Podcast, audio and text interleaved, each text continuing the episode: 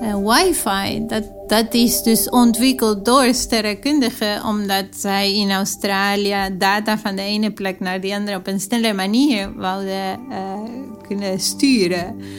En nu de impact van wifi of de impact van internet, dat is onmeetbaar eigenlijk. Dus door een hele kleine investering krijg je zoveel voor terug.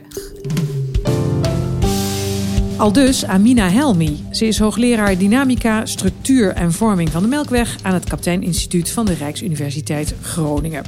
Als jong meisje begreep ze met een sinaasappel als aarde en een citroen als de maan een proces dat zich op zeer verre afstand afspeelt. En dat gaf haar een enorme kick. Nu geldt ze als een van de grondleggers van de zogeheten galactische archeologie, de reconstructie van de geschiedenis van sterrenstelsels. En kreeg onder andere daarvoor een Spinoza-premie groot 2,5 miljoen euro. En wat ze daarmee gaat doen, dat gaat ze mij hopelijk zo meteen vertellen. Bezoek ons website of volg ons op Twitter en Facebook voor meer verhalen uit de wetenschap. Mijn naam is Karin van den Boogaard. Amina Helmi zoekt als sterrenkundig archeoloog naar overblijfselen van oude sterrenstelsels om aan de hand daarvan de evolutie van onze melkweg te reconstrueren. Welkom in de podcast van Wetenschap.nu, Amina. Fijn. Dankjewel. Dat je tijd wilde maken, want het kost een hoop tijd, hè, zo'n Spinoza. Ja, dat klopt, maar wel de moeite waard. Um, ik had bijvoorbeeld voor de zomer mij gesteld om een uh, eh, ERC Advanced Grant te schrijven. En nu uh, hoeft het uh, voorlopig niet. Het was niet nodig, hè? Nee, nee, dus dat is wel heel mooi. Want jij hebt die 2,5 miljoen nu binnen in de pocket. Mag je daar dan helemaal zelf mee doen wat je wil? Of moet je toch nog even wat op papier zetten? Ja, je moet wel een, een A4'tje schrijven met een soort uh, voorstel voor een, uh, wat je wil gaan doen. En ook een budget daarbij. En dat heb ik dus afgelopen maandag ingeleverd bij NWO. Maar dat is misschien een formaliteit. Ja, dat hoop ik tenminste. Ronald Hansson zei dat ook al op Bessensap, waar bekend werd gemaakt uh, wie de Spinozers van 2019 kregen. Die zei: ja, Het is een soort oorlogskas. Hè? Het is een, eh, een, een bedrag wat je, uh, nou ja, waar je geen aanvraag voor hoeft te schrijven, zoals jij net beschrijft. En uh, die je eigenlijk vrij mag uitgeven. Dus dat is het fijne eraan. Ja, dat is dus heel bijzonder. En dat er zoveel vertrouwen is uh, in wat je kunt doen. En dat het goed komt. En uh, ja, ontzettend bijzonder. Heel speciaal. Je bent uh, half Argentijns. Is de hoogste Nederlandse wetenschappelijke onderscheiding een extra eer? Voel je dat zo? Ja, ik denk wel dat het een extraatje heeft. Uh, het is natuurlijk heel bijzonder, omdat het de hoogste onderscheiding is binnen de wetenschap. En uh, ja, je kunt je niet, bijna niet voorstellen dat je dit gaat krijgen. En dan gebeurt het. En dan, um, als ik kijk naar mijn eigen geschiedenis, ik ben in de in 96 naar Nederland verhuisd om te promoveren hier. En het was, mijn droom was echt om die titel, doktertitel te krijgen. En nu, twintig jaar later, ben ik hier en dan heb ik de Spinoza. En je kunt niet verder dromen. Het is on, ja, onvoorstelbaar. En zo ben je hier gekomen, eerst in Leiden en nu zit je al een tijd in, uh, in Groningen. We zitten hier in je werkkamer in dat Kaptein Instituut. Je staat op de schouders van grote reuzen uit het verleden. Um, die Spinoza zie ik hier trouwens nergens. Waar is die? Ja, die is, nu uh, op tafel in mijn woonkamer. ik moet nog beslissen of, die, of ik die thuis wil hebben of hier op het werk. Ik las in een nieuwsbericht over jou naar aanleiding van de Spinoza. Als een van de weinigen binnen de sterrenkunde is Helmi in staat om voorspellingen te doen op basis van haar theoretische modellen en simulaties, observaties te organiseren om die voorspellingen te testen en analytische modellen te ontwikkelen om de verkregen experimentele gegevens te interpreteren. Ben jij uniek? Ben jij een goede teamplayer? Ben jij op de juiste tijd op de juiste plaats? Wat maakt dat jij dit bereikt hebt? Denk je zelf? Ja, ik denk het is een combinatie van alles. Ik denk, uh, ik heb een super team gehad uh, de afgelopen jaren. Uh, dus het is ook dan, dankzij mijn studenten, mijn IO's en postdocs, dat wij zoveel hebben kunnen bereiken. Dat is zonder twijfel. Uh, ik denk ook, ik heb uh, geluk gehad om bij de juiste mensen te zijn begonnen. Uh, die hebben me, hebben me gezet op dit pad. Um, dus uh, daar ben ik ook heel dankbaar voor. En nu je eigen invloed. Wat maakt. Want er zijn een heleboel anderen die hier ook mee bezig zijn. Wat is de Amina Helmi component? Ja, ik had gisteren een gesprek tijdens die uh, Spinoza-feest uh, met een van mijn AIO's. En die zei: um, Wat ik het meeste heb geleerd is om door te gaan. Dus een doorzetter. Gewoon als je, geloof, als je in iets gelooft, ga ervoor. En uh, ik denk dat dat wel heel belangrijk is, altijd. Zoals ook voor die promotieplaats toen in Leiden, toen ik uit Argentinië kwam. Dus heb je gewoon ontzettend goed je best voor gedaan en doorgezet. En in de wetenschap moet je af en toe ook een beetje met je ellebogen werken. Uh, ben je een beetje lean en mean ook? Nou, nou ik denk het niet. Nou, ik laat ben... zeggen, weet je hoe je dingen kan, kan bereiken? Snap je wat ik bedoel? Ja, maar ik denk het komt, uh, het is meer intuïtie en dat ik dan kijk naar hoe mensen, andere, hoe anderen dat doen, dan dat ik zelf uh, voel van oké, dit wil ik bereiken, dit is mijn plannetje en zo ga, ga ik het aanpakken. Maar je leert, hoe meer ervaring je hebt, uh, hoe meer je leert van anderen hoe zij dingen voor elkaar krijgen, dan kun je dan kopiëren. En dat doe ik ook. Dus ik denk, ik denk dat ook iets is van uh, dat, je, dat, dat je bereid bent om te leren van anderen. Dat je weet dat je niet alles kunt. Gisteren zei dat ook uh, Ronald Hansson in zijn uh, speech. We gaan het hebben over. is dat je favoriete sterrenstelsel eigenlijk, de Melkweg? Ja, wel mijn favoriete. Ja, zeker, zeker weten. Wat wisten we al en wat wisten we niet? En wat weten we nog steeds niet, eh, zou ik bijna dit uh, thema willen noemen. Al tijdens je promotieonderzoek ontdekte je de restanten van een klein sterrenstelsel... Hè, dat miljarden jaren geleden is samengesmolten met onze relatief uh, jonge melkweg. Die verzameling sterren staat sindsdien bekend als de Helmi-stroom. Lijkt me ook een hele eer om ja, eigenlijk voor de eeuwigheid vernoemd te zijn. Ja, inderdaad. En het is niet iets dat ik zelf heb bedacht. Uh, in de zin van, uh, ik had het geen naam gegeven. En in de loop van de tijd merkte je dat mensen, dus over die sterren, dan hadden ze het over de Helmi-stromen. Dus dat is wel heel bijzonder dat het spontaan, zeg maar, komt. Je bent vereeuwigd voor altijd. Die ontdekking was de eerste bevestiging van het idee dat onze melkweg opgebouwd moest zijn uit kleinere oudere uh, sterrenstelsels. Waar, van waar, laat ik dat eerst vragen, die fascinatie voor de Melkweg? Je gaat ook helemaal stralen als je, als je het erover hebt. Ja, oké. Ik ben opgegroeid in Argentinië. En daar zijn de hemels uh, prachtig. Uh, het is veel donkerder. Veel vaker heb je heldere hemels. En als je naar boven kijkt, dan zie je gelijk dat er een concentratie sterren is aan de hemel. Zo'n melkachtige, witachtige band aan de hemel. En dus het, ja, het straalt wel uit. Het is het eerste dat je merkt als je naar de hemel kijkt. En, en, en ik heb wel het gevoel, en ik heb het ook heel sterk, dat het ons thuis in het heelal is. Dus als een soort uh, moederschip, zeg maar, door de ruimte. Um, dus daar, daar is ook een beetje een fascinatie van. En die contrast tussen het hele kleine, wij, zeg maar, heel klein, en het hele zo groot, dat vind ik ook zo ontzettend mooi. Als je het als moederschip beschouwt, dan zeg je dus eigenlijk dat er nog heel veel andere schepen zijn, zouden kunnen zijn. Nou, zijn, dat weten we van een aantal. Weten we hoeveel er zouden kunnen zijn? Um, ja, ik denk wel uh, miljarden sterrenstelsels zoals de Melkweg. Ja, heel veel. Dus ja, ook heel veel sterren en heel veel planeten in, de, in het heelal. Het is best een uh, overweldigend idee eigenlijk. Want we vinden onszelf vaak zo belangrijk. Ja, inderdaad. En dat is wat ik dus uh, een beetje heb. Dat is ook wat ik het, het, mooie vind aan wat ik doe. Is dus die, die contrast tussen wat ik net zei. Het hele grote en wij zo klein. Maar wat ik zo bijzonder vind is dat je ook... Ben je zo klein, ben je toch in staat om dingen te snappen die zo groot zijn. En dat, is, dat maakt je weer groot. En dat is heel mooi. En jij hebt het brein om dat te snappen. Dat had je al uh, in mijn voorbeeld met de sinaasappel en de citroen. En toen realiseerde je al van, hé, hey, ik, ik kan dit, ik kan dit begrijpen. Daar begon jouw eerste fascinatie. Hè? Maar sterrenkunde is eigenlijk best een lastig vak. Want je doet een heleboel aannames die pas veel later bewezen kunnen worden. Is dat misschien ook wel de essentie dan van de sterrenkunde?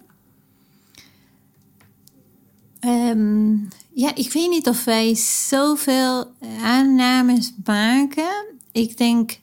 Of laat ik zeggen, je bouwt een heleboel modellen waarvan je kan berekenen en beredeneren hoe het moet zitten. Maar of het echt zo is.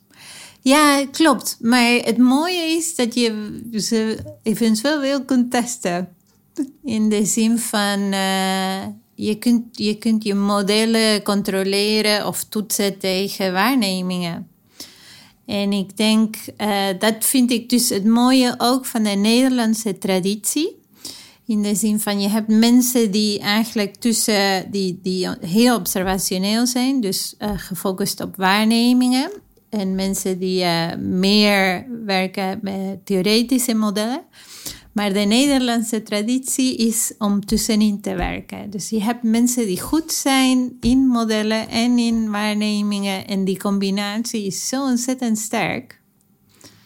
Ik zou zeggen, dat is bijna een uiting van het polderen wat hier in Nederland gebeurt. Beetje van het een, beetje van het ander. Ja, zo zou je het kunnen beschrijven. Ik had het nog niet zo gedacht. Maar inderdaad, uh, dat klopt wel.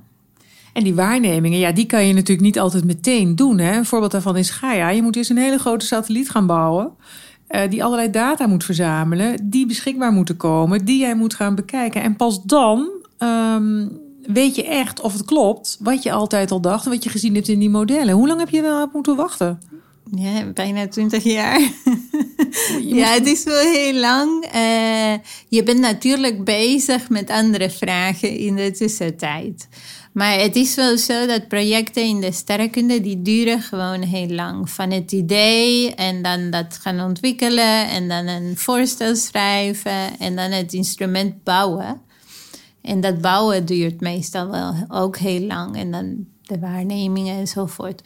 Dus, uh, maar het is wel, ik vind, ik ben uh, in een bijzondere positie geweest. Het gebeurt niet zo heel vaak dat je staat in het begin van een project en dat je eigenlijk uiteindelijk ziet dat je met de data kunt werken en je kunt die ontdekkingen maken uh, die je wil maken. Ik denk dat mensen um, het heel vaak niet eens meer meegemaakt hebben uh, in jouw vak. Uh, hè? Ja, nee, inderdaad. Het is, het is ook zo. Dus je moet veel geduld hebben eigenlijk als sterrenkundige ook?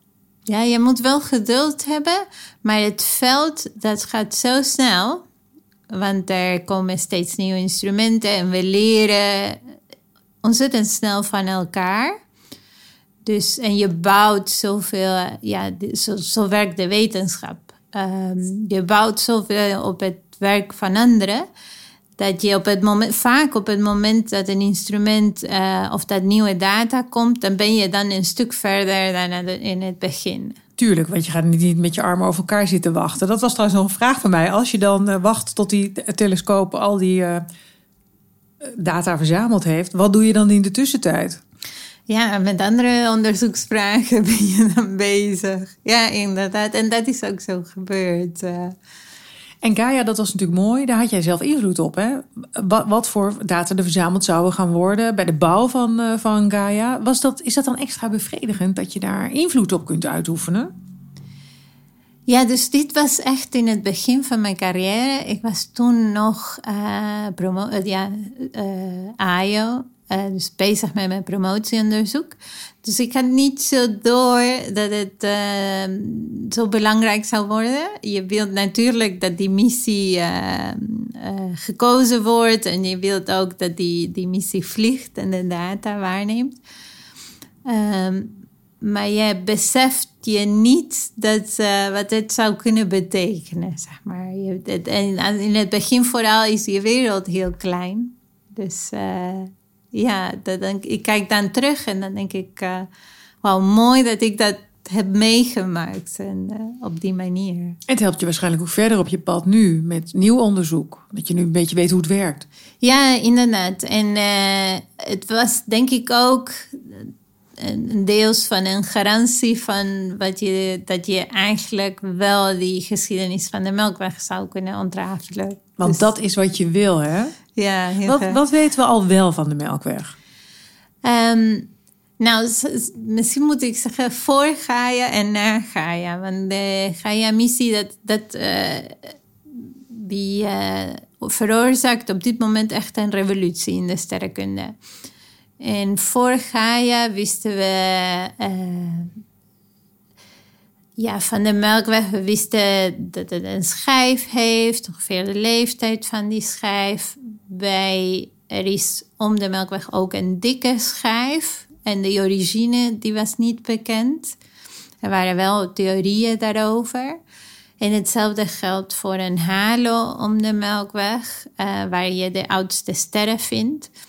En de vraag was, zijn die sterren in de Melkweg geboren of elders in andere stelsels?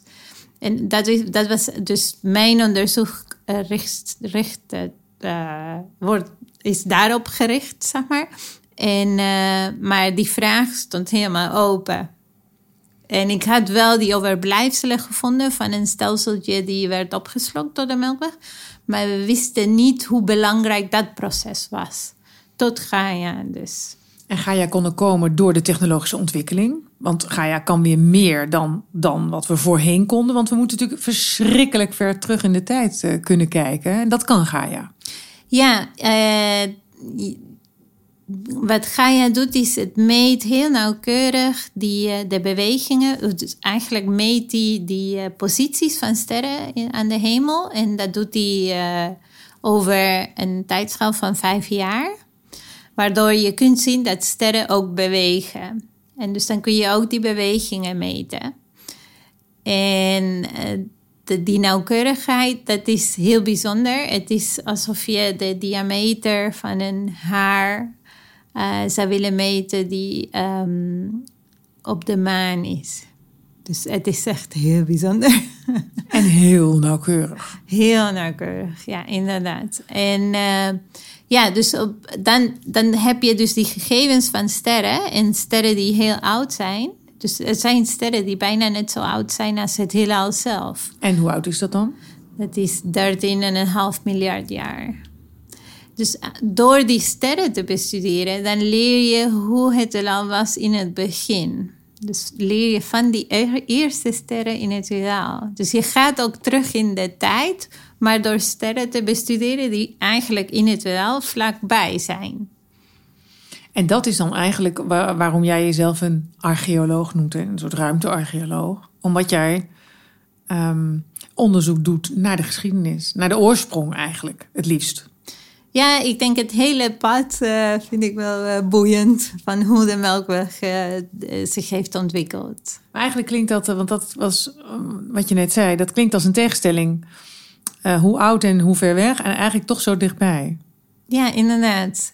Dat is, dat is ook een mooie kant van dit soort onderzoek. Want je hebt, omdat het zo dichtbij, dan heb je heel veel informatie en kun je heel veel waarnemingen maken. En dat is niet mogelijk voor sterrenstelsels uh, die heel ver weg liggen. Uh, dus het is een beetje vol van, bijvoorbeeld, ik woon hier in Groningen. Ik ken Groningen het best. Um, dus dan kan ik ook heel veel leren over hoe steden werken, hoe mensen zijn en dat soort dingen. En dan het idee is dat je dan die informatie, zeg maar, uh, dat je een soort uh, filmpje speelt, zeg maar, terug in de tijd. En dan kun je leren hoe het vroeger was. En daarom is het de vergelijking met archeologie is, toepasselijk. Misschien daar meer over, want je wilde uh, zo meteen, want je wilde Spinoza-premie daar ook voor inzetten. Je zegt eigenlijk moeten we kijken naar voor en na Gaia. Nou, voor Gaia hadden we een bepaald idee van de Melkweg en uh, wisten we een aantal dingen zeker, een aantal dingen wisten we ook nog niet. Wat weten we nu meer over de Melkweg na Gaia? Nou, een van de grootste ontdekkingen die wij hebben gemaakt, uh, dat was afgelopen jaar, dat is dat de Melkweg zo'n 10 miljard jaar geleden is gesmolten met een andere behoorlijke stelsel. En dat heeft dus bijna alle sterren in die halo die ik zo net noemde, die komen uit die andere stelsel. En dat was een grote verrassing. Een soort allochtonen. Ja. Heel, bijna iedere ster in die halo is allochtoon. En uh, dat was niet wat wij hadden verwacht. Dus dat was heel bijzonder. Het was heel bijzonder ook hoe snel we dat uh, ontdekt hebben. Want die sterren die draaien, in die, um, die draaien niet als de meeste sterren in de, in de Melkweg, maar die draaien andersom.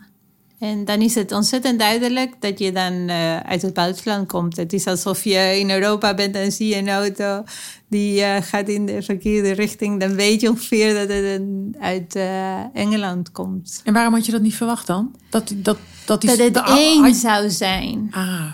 Dat het één zou zijn. Dat eigenlijk het hele halo, een van de componenten van de melkweg, niet in de melkweg zelf hoort, als het ware. En kan je daar geschokt over zijn, over zo'n ontdekking?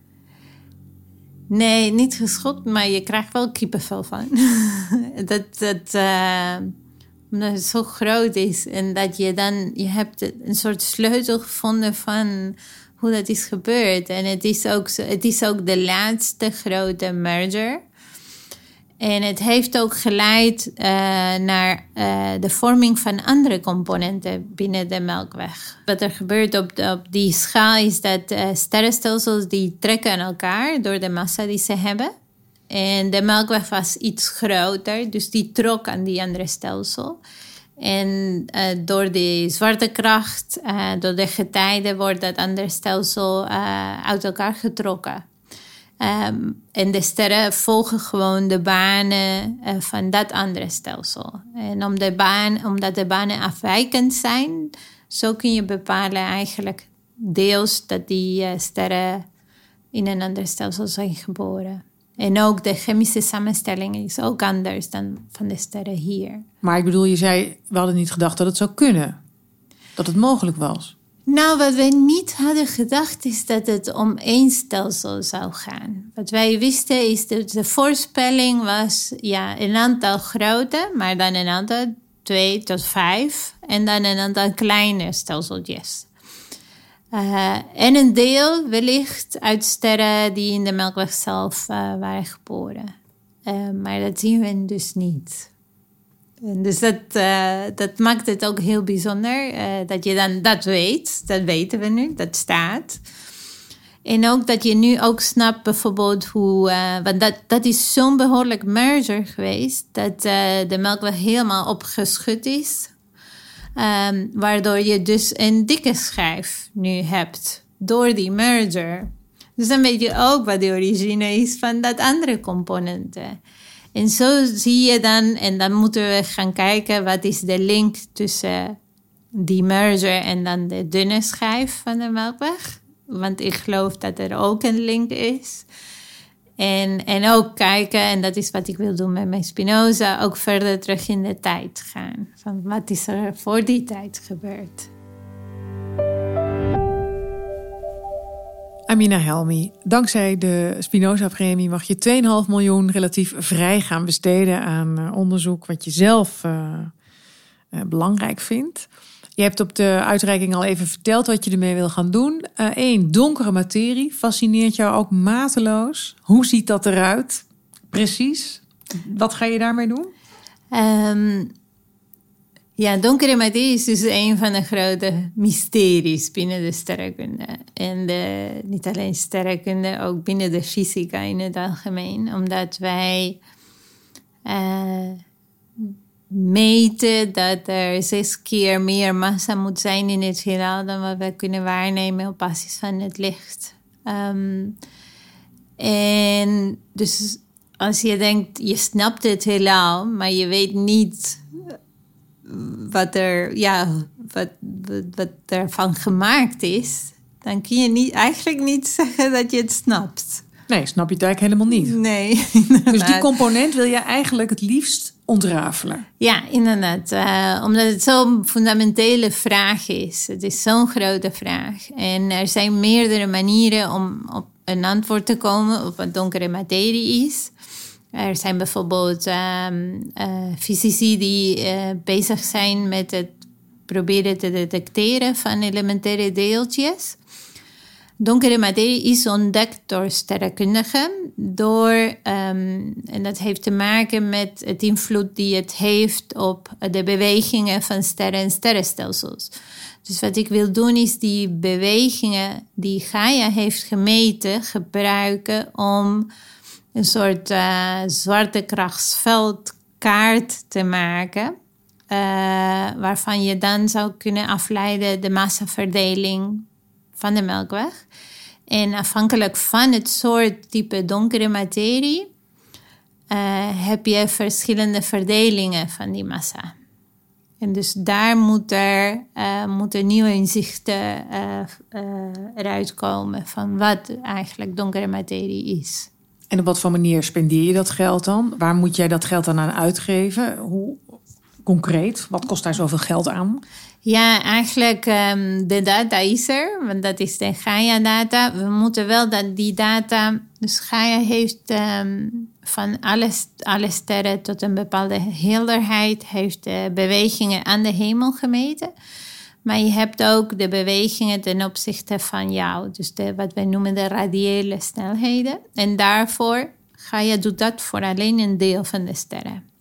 En sterren in de halo zijn minder helder over het algemeen. En daar heb je andere instrumenten voor nodig. En we zijn nu bezig met het bouwen van die instrumenten. En dat hopen we de komende twee jaar nieuwe data te kunnen waarnemen. En dus die snelheden te hebben.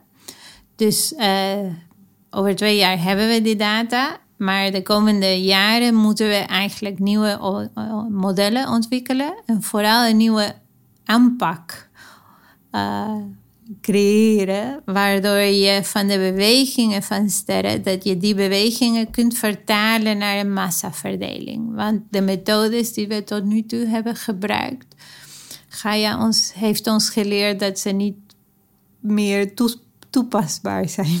Dus terwijl Gaia data aan het verzamelen is, kan jij daar op de grond met je medewerkers mee bezighouden met een manier om dat probleem weer op te lossen. Ja, inderdaad, dat is dus het idee. En dan je andere grote liefde, de Melkweg. En de galactische archeologie, zoals ik al zei. Hè? Uh, helemaal terug naar het begin. Um, hoe uh, ga je dat doen? Wat voor deel van de Spinoza ga je waarvoor bestemmen? Um, ja, dat is ook. Uh, dus dan gaan we ook gebruik maken van de Gaia Data. En met de instrumenten waarover ik het net over had, dan kunnen we de chemische samenstelling van sterren bepalen. Van heel veel sterren, van de oudste sterren, waardoor je weer teruggaat in de tijd. Um, en die combinatie blijkt ontzettend powerful te zijn om um, de geschiedenis te ontrafelen. Dus eigenlijk hebben ze die, die sterren de, de chemische samenstelling is een soort van vingerafdruk van geboorteplaats. Dus dan wil je die gebruiken om die geboorteplaatsen of die geboortestelsels te identificeren. En dat is wat wij uh, graag willen gaan doen. Dan nog een andere vraag. Je bent ook net uh, adjunct wetenschappelijk directeur van de Nederlandse Onderzoeksschool voor Astronomie geworden, NOVA. Waarbij je gaat samenwerken met wetenschappelijk directeur Ewine van Dishoek. Nou, als je het hebt over op de schouders van reuzen staan, dan uh, kunnen we dat uh, hè, wel zeggen. Um, heb je nog wel tijd? Want dat gaat je natuurlijk ook over tijd kosten. Ja, inderdaad. Um, dat gaat wel tijd kosten. Maar uh, ik vind het wel ontzettend leuk om um, breder in de sterrenkunde te kijken. Uh, wetenschappelijke directeur is dus bezig um, met uh, het onderzoek dat uh, sterrenkundigen doen binnen NOVA. Dus eigenlijk de hele Nederlandse sterrenkundige gemeenschap. En dan leer je ook, inhoudelijk leer je van wat anderen doen. Dus in die opzicht zit ik redelijk dichtbij de sterrenkunde nog steeds. Uh, maar je hebt natuurlijk ook andere verantwoordelijkheden. Uh, nou, misschien de politiek bewegen om toch geld te gaan geven aan uh, het onderzoek naar zwarte gaten. Ja, maar niet alleen. Ik denk op dit moment gaat zo weinig in vergelijking, zo weinig geld naar fundamenteel onderzoek. Dat dat eigenlijk alle wetenschappen hebben last van. Zeg maar. Als je kijkt naar de investeringen van Nederland in de fundamenteel onderzoek, dat, dat is uh, ja, wat aan de magere kant. Nou ja, en dat mag jij nu zeggen als Spinoza-winnaar. Dat moet je misschien ook zeggen, want jij hebt nu recht van spreken. Wat zou jij dan tegen, willen zeggen tegen mensen die zeggen: Nou, genoeg geld naar het fundamenteel onderzoek, want waarom moet dat? Wat hebben we er eigenlijk aan? Ja, dat, is, dat zou een hele kortzichtige uh, uitspraak zijn. Ik denk uh, vaak uh, zijn de um, resultaten onvoorspelbaar. En op langere termijn zie je dat je zoveel terug voor krijgt. En, dus, en mensen hebben dat niet door. En misschien moeten we die gaan opleiden van dit, dit komt allemaal door fundamenteel onderzoek. En bijvoorbeeld zelf wifi, dat, dat is dus ontwikkeld door sterrenkundigen, omdat zij in Australië data van de ene plek naar de andere op een snelle manier wouden uh, kunnen sturen. En nu de impact van wifi of de impact van internet, dat is onmeetbaar eigenlijk. Dus door een hele kleine investering krijg je zoveel voor terug. Dat je niet, bijna niet eens zou moeten durven om die vraag te stellen ik durf het toch. omdat ik denk dat, uh, dat het moet. Ja, inderdaad. Het is wel belangrijk. Um, ik denk die aspect, wat ik, ik denk die, de impact is zo groot. En wat ik ook zei, het is, je kunt, wij, je kunt moeilijk voorspellen wat je dan gaat ontwikkelen. Maar op technologisch niveau, we hebben zoveel dingen ontwikkeld door andere vragen te stellen. Door niet direct te gaan kijken, oké, morgen wil ik een product hebben. Maar gewoon door uh, wetenschappers te laten denken over hoe zij hun problemen kunnen oplossen. En zo trek je de technologie mee en zo ga je, uh, leg je de grenzen nog verder. En dus dat, dat is het mooie van die fundamenteel onderzoek. En wellicht moeten we dat beter communiceren, dat het eigenlijk zo gaat. Ik hoop je terug te zien in dat maatschappelijk debat daarover. Want dat lijkt me heel erg nuttig. Oké, ik ga proberen. Ik zal het zien hoe dat uh, gaat.